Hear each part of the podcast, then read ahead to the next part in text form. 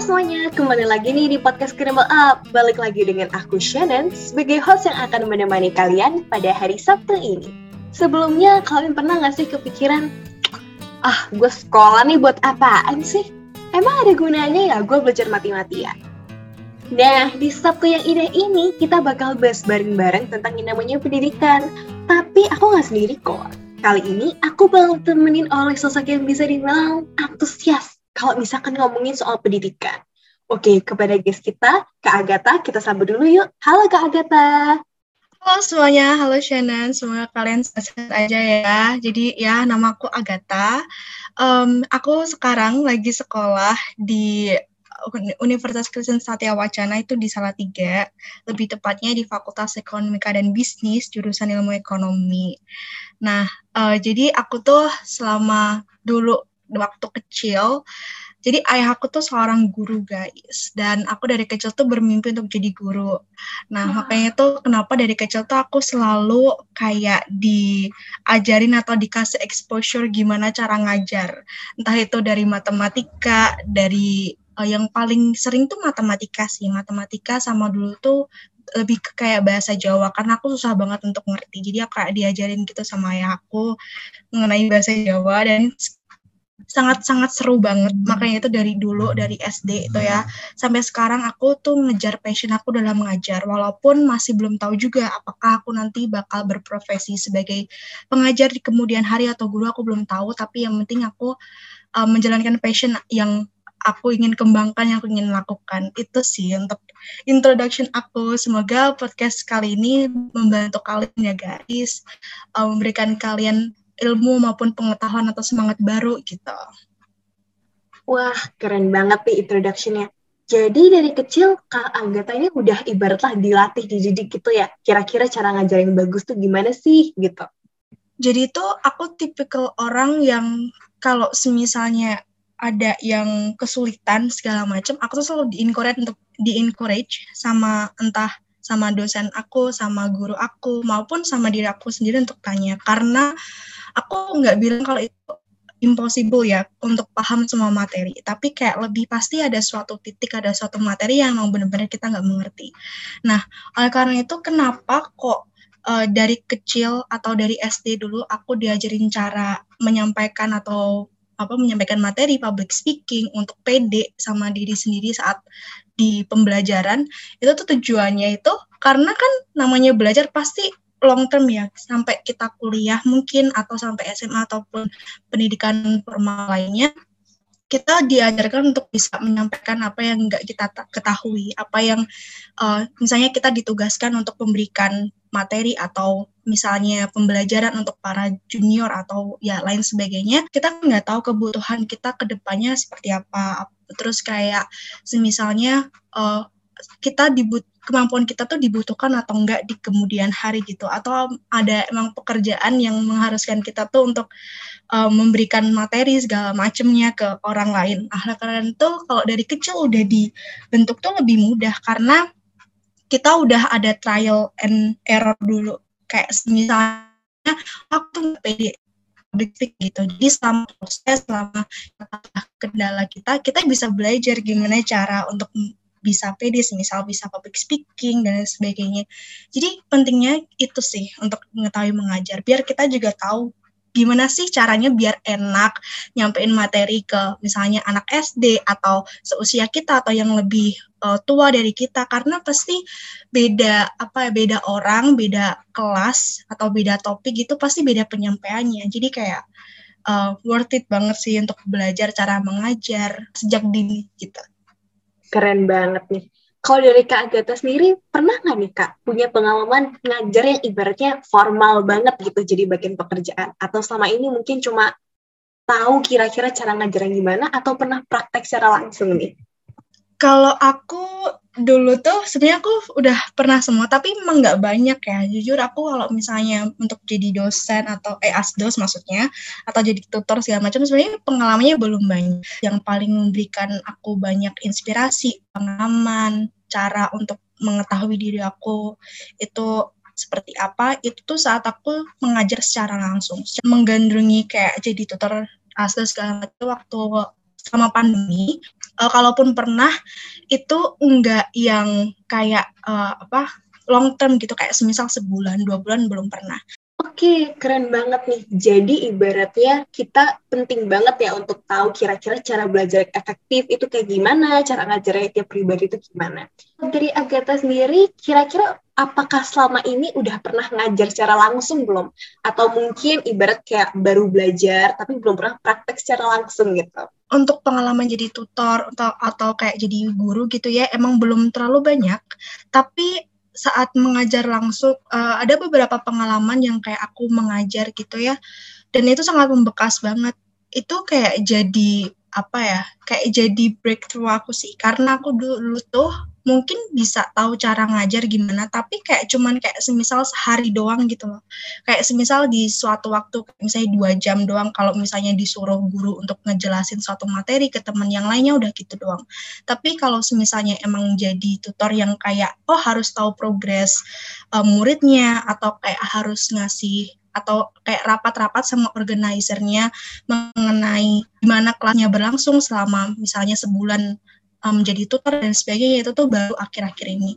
Jadi itu sih pengalaman untuk jadi tutor aku dan itu sangat berharga banget. Jadi kalian juga layak untuk uh, patut untuk nyoba guys untuk jadi tutor. Apalagi sama pandemi itu kayaknya pengalaman dan juga kesempatan tuh kayak berharga banget gitu ya. Karena banyak banget kayak volunteer untuk jadi volunteer atau kesempatan buat jadi tutor gitu. Jadi harus dicoba juga. Um, sebagai tutor nih, kakak pernah nggak sih ngeliat anak yang ibaratlah bikin kakak tuh pegel gitu? Dan kira-kira suka dukanya kakak pas ngajar tuh apa aja? Boleh dong disebutkan ke kita. Pernah banget dong. Dan itu sebenarnya bisa dibilang tuh um, tidak bisa di apa ya tidak bisa dipungkiri gitu. Itu pasti terjadi walaupun kayak hanya sekali dua kali gitu.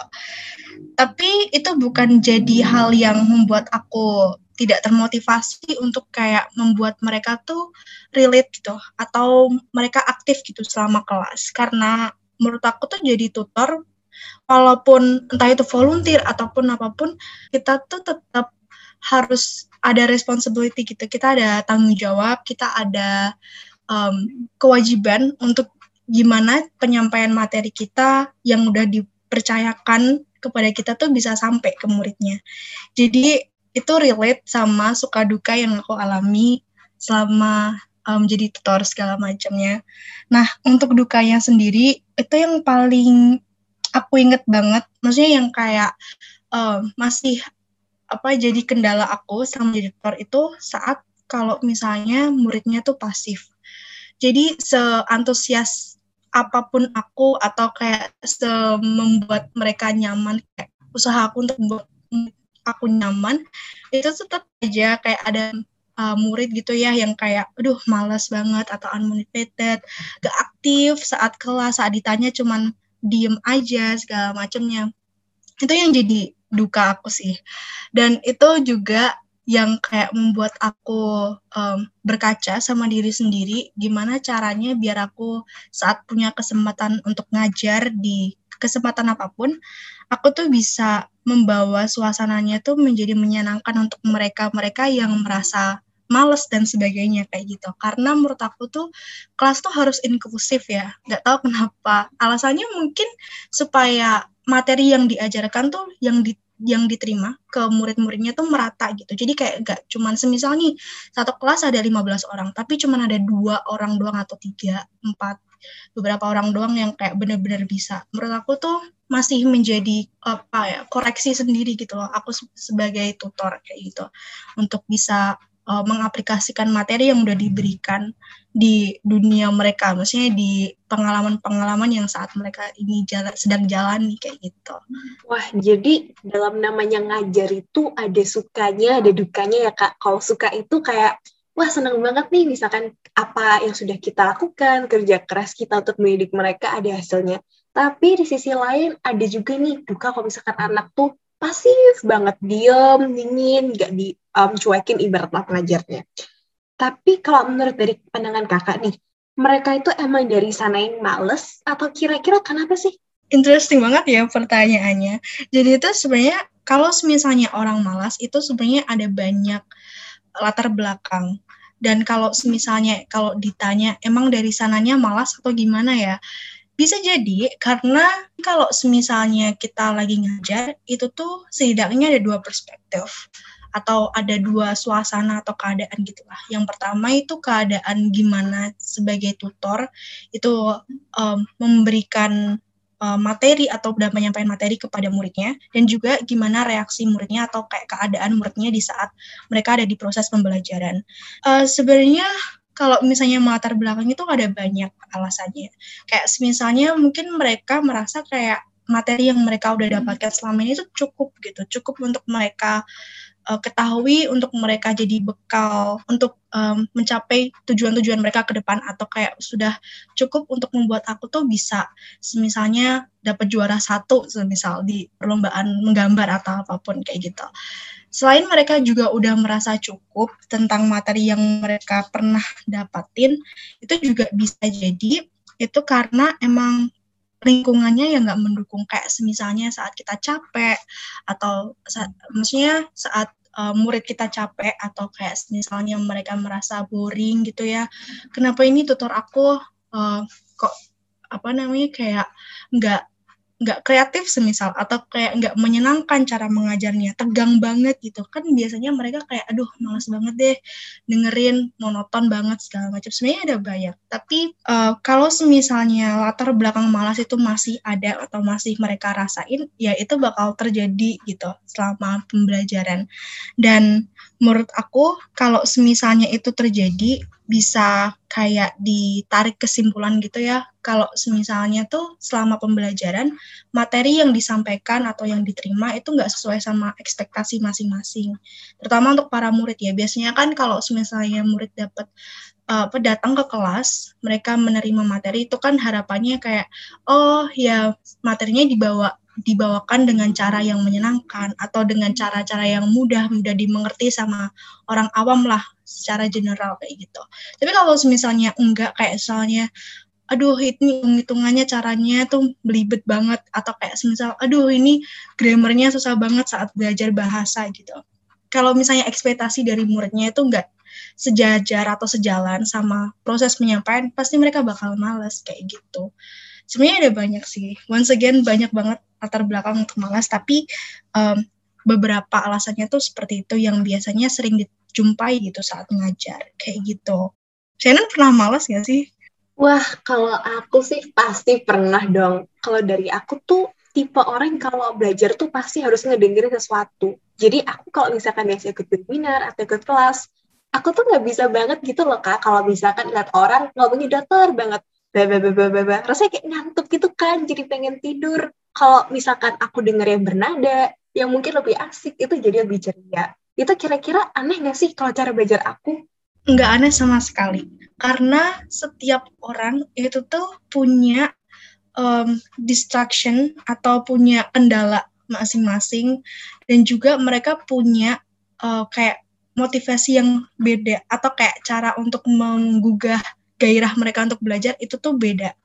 Jadi kayak misalnya kalau misalnya ada orang yang suka dengerin musik dan nggak suka orang yang ngajarnya tuh monoton atau penyampaian materinya tuh datar banget gitu notasi suaranya. Itu sebenarnya salah satu keunikan atau menjadi suatu ciri khas dari orang itu sendiri saat mereka ada di proses pembelajaran itu. Dan aku rasa itu nggak aneh sih jadi kalau misalnya kita nih uh, selama pembelajaran kita sambil dengerin dengerin musik atau misalnya uh, kita sambil kayak biasanya coret-coret kertas itu kalau lagi gabut waktu pembelajaran sebenarnya itu nggak aneh sih. Tapi yang terpenting itu kalau misalnya kita lagi ada di kelas misal make sure kalau kita tuh punya tujuan gitu guys jadi kayak walaupun sering kali kita cuman datang di kelas kayak misalnya ada mindset kayak yaudahlah aku datang ke kelas aja tanpa dengerin nah sebenarnya tuh kalau aku boleh bilang secara pribadi, menurut aku pribadi, itu tuh jangan sampai seperti itu. Karena takutnya jadi kebiasaan gitu. Jadi lebih baik kalau misalnya emang kita lagi males di kelas, kita lebih baik melakukan hal yang memantik kita gitu untuk fokus ke kelas itu. Pasti ada hal baru lah walaupun materinya sama kayak gitu. Sebenarnya nggak ada yang aneh sih karena emang cara orang-orang tuh beda kayak gitu. Wah keren banget nih penjelasannya. Jadi sebenarnya nih mampu enggaknya anak dalam mengerti apa yang mereka pelajari itu berpengaruh banget ya, apalagi dengan cara belajar. Um, misalkan nih kalau misalnya mereka ngerti, mereka udah nemu nih cara belajar yang pas banget, yang cocok, mereka bakal suka. Dan kalau misalnya mereka nggak ngerti, mereka nggak punya cara yang bisa mereka lakukan untuk bisa memahami pembelajaran tersebut, mereka cenderung bakal males dan nggak mau memahami gitu ya, Kak? Iya, betul. Karena yang namanya pembelajaran, sekecil apa pun atau segampang apa pun materinya, itu tuh yang paling membuat kita bisa mengerti lebih tentang materi atau tentang pengetahuan yang mau kita geluti itu ya. Atau kayak misalnya mau misalnya kita mau belajar soal uh, skill pe pengembangan uh, kemampuan gitu. Entah itu soft skill hard skill itu tuh bisa membawa kita tuh kayak lebih ke komit menjaga komitmen. Komitmen untuk belajar untuk bisa ngabisin materi sampai kelasnya berakhir atau misal programnya berakhir seperti itu. Walaupun selama di kelas tuh kita hanya diajarin soal teori atau hal-hal basis basisnya aja. Tapi aku yakin kalau misalnya kalau misalnya ini ya ada di kelas nih, terus kayak misalnya selama kelas berakhir kita kayak mencoba untuk misalnya belajar sendiri ngerjain tugas macam kayak adalah sedikit eh, hal-hal uh, yang tidak diajarkan di kelas yang bisa kita kerjakan. Kayak semisal uh, kita latihan untuk uh, misalnya menghitung atau kayak semisal kita belajar sendiri kita tahu kayak oh aku tuh nyamannya belajarnya kayak gini loh. Selama proses itu kita pasti belajar hal-hal baru. Yang penting kita peka aja. Peka aja sama um, kalau aku tuh misalnya kalau misalnya biar belajarnya efektif, pemahaman materinya bisa banyak, itu aku harus misalnya nyaman dulu nih, nggak boleh berisik lingkungannya segala macam kayak gitu sih. Jadi kayak orang tuh merasa nyaman gitu selama di kelas segala macamnya gitu. Aku kan tipe anaknya um, berdasarkan pendengaran ya, jadi selain ngedengerin omongan orang yang bersuaranya enak, aku tuh juga suka banget nih dengerin heavy classical music apalagi pakai cara belajar Podomoro. Mungkin buat teman-teman di luar sana boleh banget nih nyobain cara belajar yang baru. Siapa tahu kalian bisa memahami pembelajaran kalian, bisa banget untuk mengeksplor hal-hal baru dengan lebih keren lagi. Nah, tadi kita udah ngomongin tentang gimana cara agar anak tuh termotivasi belajar. Tapi di sisi lain, kakak pasti pernah dong nemu ibaratnya anak yang ambisius banget, anak yang belajarnya lama dari pagi bangun sampai larut malam belajar di depan laptop, di depan buku terus-menerus. Nah, menurut kakak hmm. itu efektif nggak sih kira-kira? Um, aku itu nggak efektif guys. Dan uh, aku juga pen, apa melakukan riset juga sebelum aku ngomong itu tidak efektif. Karena kenapa aku nggak efektif? Karena sa dalam sehari selama 24 jam itu kita tuh kalau misalnya belajar sampai kayak misalnya 13 jam gitu ya dari pagi sampai siang atau pagi dari sampai malam itu kan lebih kayak dari 12 jam gitu kan. Nah, di mana kita harus mengorbankan waktu kita untuk semisalnya untuk rileks karena yang namanya otak, yang namanya tubuh itu tuh butuh untuk relaksasi sebentar. Karena bayangkan deh kalau misalnya ini ya kita belajar soal misalnya reaksi kimia atau apa pun yang uh, saat ini saat ini kalian sedang pelajari gitu ya. Tapi kalian gak ada waktu untuk menenangkan pikiran dulu menenangkan apa namanya badan dulu kayak minum kayak stretching dengerin musik nonton film atau apa yang kayak membuat strategi kalian tuh recharge lagi gitu ada lagi. Kalau misalnya kita terlalu terforsir gitu ya untuk fokus belajar, biasanya selain materi yang kita pelajari itu nggak masuk, kita juga kayak merasa kayak aduh kayak cepat capek. Kenapa? Karena kita fokus saja sama pelajaran tanpa kita misalnya menyadari kalau kita juga misalnya butuh makan sih misal atau kayak kita butuh hal-hal yang membuat otak kita tuh bisa siap gitu untuk menerima materi-materi yang sedang kalian pelajari jadi kayak itu nggak efektif guys jadi biasanya belajar itu kayak sehari tujuh jam itu tuh udah cukup walaupun setiap orang punya kendala, punya strategi, punya cara masing-masing ya dalam belajar. Tapi kalau misalnya kalian belajar sampai dari pagi sampai malam tanpa ada relax relax sedikit, mungkin materi bisa masuk, tapi kesehatan bisa jadi pertanyaan gitu. Kesehatan kalian kayak gimana? Terus kayak misalnya apakah kalian bisa apa namanya bisa misalnya menimbulkan stres gitu ya karena harus berkutat pada pelajaran selama 12 jam, 15 jam, 20 jam semisal kayak gitu. Jadi pastikan kalau misalnya mau belajar yang efektif itu pastikan dengan waktu yang cukup tapi materi yang kalian terima itu juga cukup atau bahkan lebih banyak atau materi yang kalian pahami gitu. Wah, keren banget nih. Ternyata belajar itu emang asik banget ya kak, asalkan kalau misalkan kita bisa nemu cara belajar yang cocok dengan kita. Karena balik lagi nih guys, yang namanya pendidikan tuh penting banget buat masa depan kita. Baik kita suka maupun enggak, ya kita nggak bisa menolak kalau seandainya kita memang butuh pendidikan. Tapi teman-teman di luar sana, kalian juga bisa nih nyobain berbagai macam metode pendidikan ataupun belajar yang kira-kira bakal cocok nih sama teman-teman. Semoga adanya podcast ini dapat membantu loh untuk belajar kalian semua dan bahkan barangkali nih misalkan ada guru-guru, pengedukasi yang ingin menerapkan metode pembelajaran yang atraktif juga boleh banget nih agar kita bisa memajukan pendidikan bareng-bareng. Ternyata emang ya Kak Agatha, makasih banyak nih Kak udah sharing-sharing ilmunya, udah mau ngobrol di sini gitu ya bareng-bareng. Makasih juga untuk uh, tim yang udah mengundang aku di sini. Ini sangat peng, apa sebuah kehormatan buat aku untuk sharing di sini. Semoga infonya bermanfaat ya guys. Amin. Kalau kalian baru pertama dengar The Small Egg, yuk dengerin podcast kita dengan berbagai macam topik yang akan kita kulik bareng-bareng tiap hari Sabtu. Jangan lupa untuk follow Instagram kita at Egg untuk mendapatkan update terkini dan konten bermanfaat lainnya. The Small Egg, smell from it, and fun from it.